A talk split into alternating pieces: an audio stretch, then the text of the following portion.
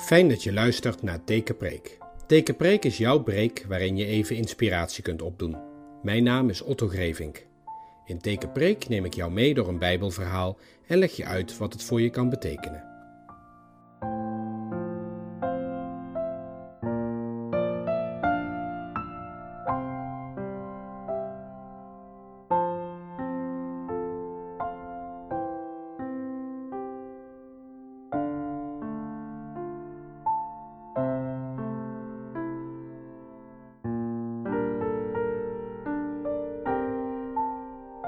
Ik neem je mee naar de brief van Jacobus en begin bij het allereerste vers.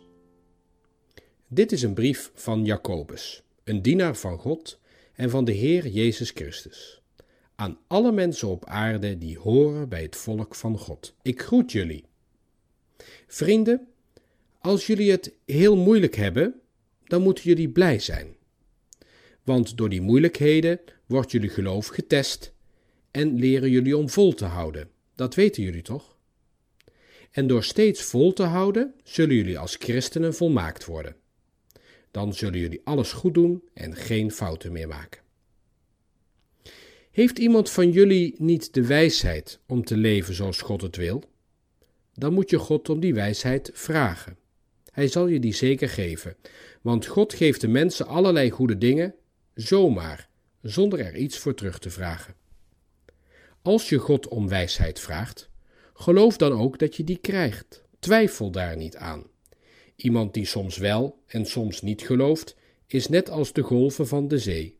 Die worden door de wind soms de ene kant op geblazen en dan weer de andere kant. Iemand die twijfelt, leeft zonder op God te vertrouwen. Zo iemand moet echt niet denken dat hij iets van de Heer zal krijgen. Christenen die arm en onbelangrijk zijn, mogen er trots op zijn dat God hen uitgekozen heeft. En rijke christenen mogen er trots op zijn dat ze op aarde totaal onbelangrijk zijn. Het gaat met hen net als met de bloemen in het gras. Als de zon opkomt, verdroogt het gras door de hitte en gaan zelfs de mooiste bloemen dood. Net zo sterven alle mensen, ook de rijken, met al het geld dat ze verdiend hebben. Als je het moeilijk hebt, als je geloof getest wordt, hou dan vol. Dan zul je gelukkig zijn. Want God zal je het eeuwige leven geven. Dat is de beloning die Hij beloofd heeft aan de mensen die van Hem houden. Stel dat je verleid wordt om iets verkeerds te doen. Zeg dan nooit: God probeert mij te laten zondigen. Want God zal nooit iemand verleiden om te zondigen. En God kan zelf ook nooit verleid worden om iets verkeerds te doen. Nee, als je verleid wordt om slechte dingen te doen, komt dat altijd door je eigen slechte verlangens. Want daar luister je graag naar. Maar die verlangens zorgen ervoor dat je zondigt, en zonde leidt uiteindelijk tot de dood. Vrienden, onthoud dit goed. Al het goede dat we krijgen, elk volmaakt geschenk, komt van God. Dat zal altijd zo zijn, want God verandert niet. Het licht van de zon en van de maan verandert voortdurend, maar God, die het licht gemaakt heeft, blijft altijd hetzelfde. Het was Gods besluit dat wij de waarheid over Hem zouden horen. Hij besloot om nieuwe mensen van ons te maken, want Hij wil dat Zijn nieuwe wereld met ons begint.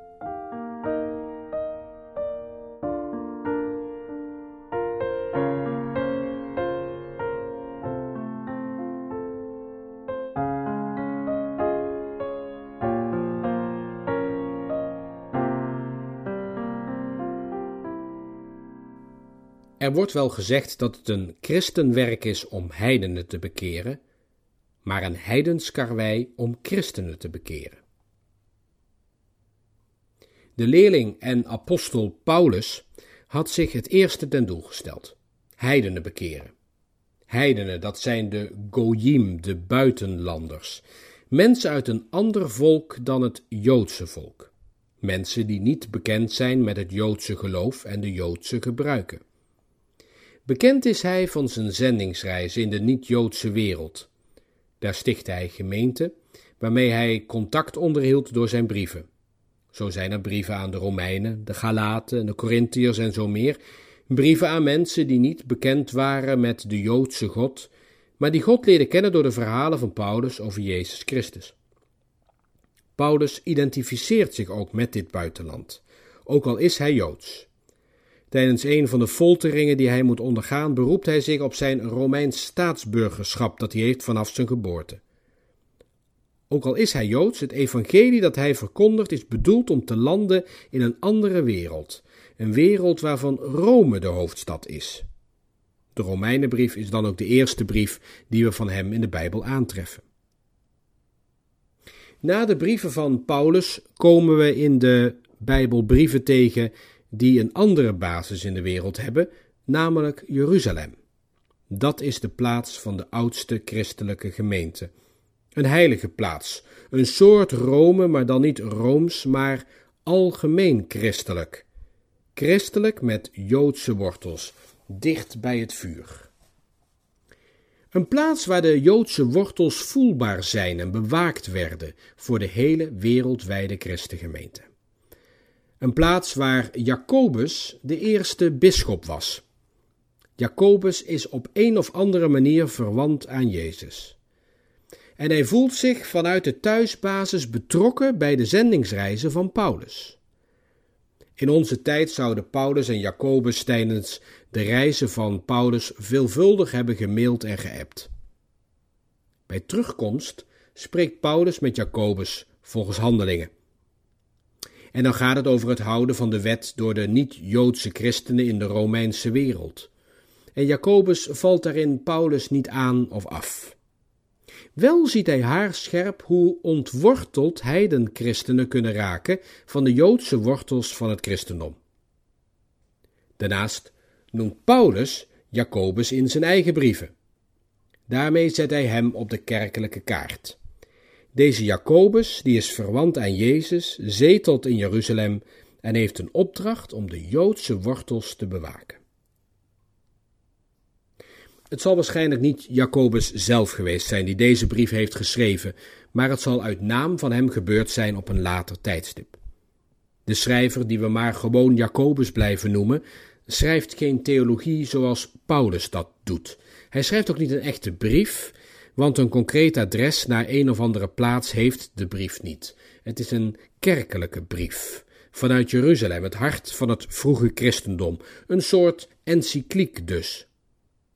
Die brief levert geen theologie, het is geen geloofsleer, maar een algemeen christelijke visie op waar het toen ter tijd op aankwam in het geloof. De Romeinenbrief was de eerste van de brieven van Paulus. De Jeruzalemse Jacobusbrief staat als eerste te boek van de zeven katholieke brieven. Je zult nu begrijpen dat met katholiek niet rooms-katholiek wordt bedoeld, maar algemeen christelijk. Het zijn echter wel kerkelijke brieven. De Paulusbrieven waren heel specifiek gericht op bepaalde gemeenten die hij gesticht had tijdens de zendingsreizen. De katholieke brieven met Jacobus voorop zijn veel meer binnenkerkelijk gericht en proberen het geheel in het oog te houden. Niet de specifieke theologie die nodig is voor een bepaalde plaats, maar het geheel. Wat is bepalend voor onze identiteit als kerk? En wat staat dat in de weg als we het gehele christelijke veld overzien? De identiteit van het geheel wordt bedreigd als mensen met die specifieke plaatselijke theologie aan de haal gaan. En dat is wat er met Paulus' brieven gebeurde. Elke theologie heeft zijn speerpunten en dus ook zijn eenzijdigheden. De theoloog zelf blijft vaak het geheel niet nog wel overzien, maar zijn volgelingen die bijten zich dan vast in die eenzijdigheden. Zo werkt dat met elke grote theoloog. De belangrijke theoloog uit de vorige eeuw, Karl Barth, die schijnt gezegd te hebben dat hij blij was dat hij niet meteen is overleden na zijn commentaar op de Romeinenbrief. Mensen zouden namelijk daarvanuit een volstrekt eenzijdig beeld van zijn theologie hebben gekregen en daarmee aan de haal zijn gegaan. En desondanks dat Bart nog veel meer heeft geschreven, zijn er nog steeds echte Bartsianen, zo worden ze genoemd, die veel radicaler zijn dan Bart zelf. Het is een lot wat de kerkhervormer Calvijn ook al trof. Echte strenge Calvinisten, die kun je nog wel eens laten schrikken als je ze iets anders van Calvijn laat lezen dan dat ze uit hun hoofd kennen. En zo werkt het ook met Paulus. En Jacobus maakt zich daar zorgen over. Vanuit een algemeen christelijk overzicht deelt hij het geloof van de volgelingen van Paulus, maar hij verzet zich ook omdat sommige christenen uiterst eenzijdig met zekere waarheden en teksten aan de haal gaan en het christelijk geloof verdraaien. En dan is het een heidenskarwei om christenen te bekeren. Nu, dat betekent voor de uitleg van Jacobus dat we ons zullen moeten afvragen wat deze mensen dan geloven. En als je dat doet, dan snap je ook waarom Jacobus zo radicaal klinkt als het gaat om de wet en de beproevingen. Jacobus houdt deze mensen een spiegel voor. En die spiegel is meer dan alleen maar een beeld.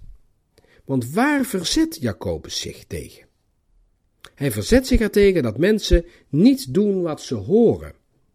Dus staat er iets verder in hoofdstuk 1: Want wie de boodschap hoort, maar er niets mee doet, is net als iemand die het gezicht waarmee hij is geboren in de spiegel bekijkt. Hij ziet zichzelf, maar zodra hij wegloopt, is hij vergeten hoe hij eruit zag.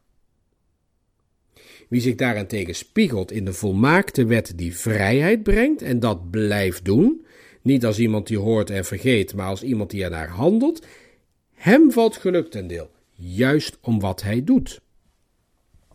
Welk probleem illustreert Jacobus hiermee? Jacobus treft tegenover zich mensen die ronduit zeggen als ze in de spiegels kijken: Dat ben ik niet.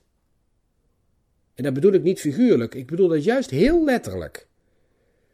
De mensen waar Jacobus tegen spreekt, die voelden zich erg thuis bij de uitspraken van Paulus over de tegenstelling tussen vlees en geest. En daar zijn ze in doorgeslagen. Wat zij aan lichamelijkheid en aan aardsheid zien in de spiegel, ervaren zij als vreemd aan zichzelf. Dat zijn zij zelf niet. Ik ben enkel mijn geest, zeggen ze, niet mijn lichaam. Ik maak zelf geen deel uit van de wereld. Ik zit erin gevangen. Het wordt mij aangedaan en ik maak er geen deel van uit. Van nature hoor ik thuis in een andere wereld, in een goddelijke wereld. Deze wereld, zo zeggen deze mensen, die is door een God geschapen die van een lagere soort is dan de God van Jezus Christus. Het is een God die een onvolmaakte, zondige, lijdende en liefdeloze wereld heeft gemaakt. Een God bovendien van oorlogen. De innerlijke ziel van de mens maakt echter deel uit van een hogere God. Als een vonkje van een God zitten we gevangen in een aards omhulsel en in een aardse wereld, onderhevig aan alle grillen van de natuur en niet te vergeten van de zonde. Maar deze mensen die plaatsen zich daar zelf dus buiten. Ze zijn daar niet verantwoordelijk voor. Ze maken deel uit van het hogere goddelijke, ze zijn God zelf. En de wet? Had Paulus niet zoiets gezegd als dat de wet de zonde wekt? Dat de wet bij de oude wereld hoort? Dat men daarvan bevrijd is, erboven staat? Zoals zij het zich nu herinneren, heeft hij het niet bedoeld, maar wat hij wel heeft gezegd, heeft wel zo uitgewerkt. En de mensen zeggen dus ja, alles goed en wel, en de wet zal het goede met ons voor hebben, maar ik kan daar in mijn aardse leven nooit aan voldoen.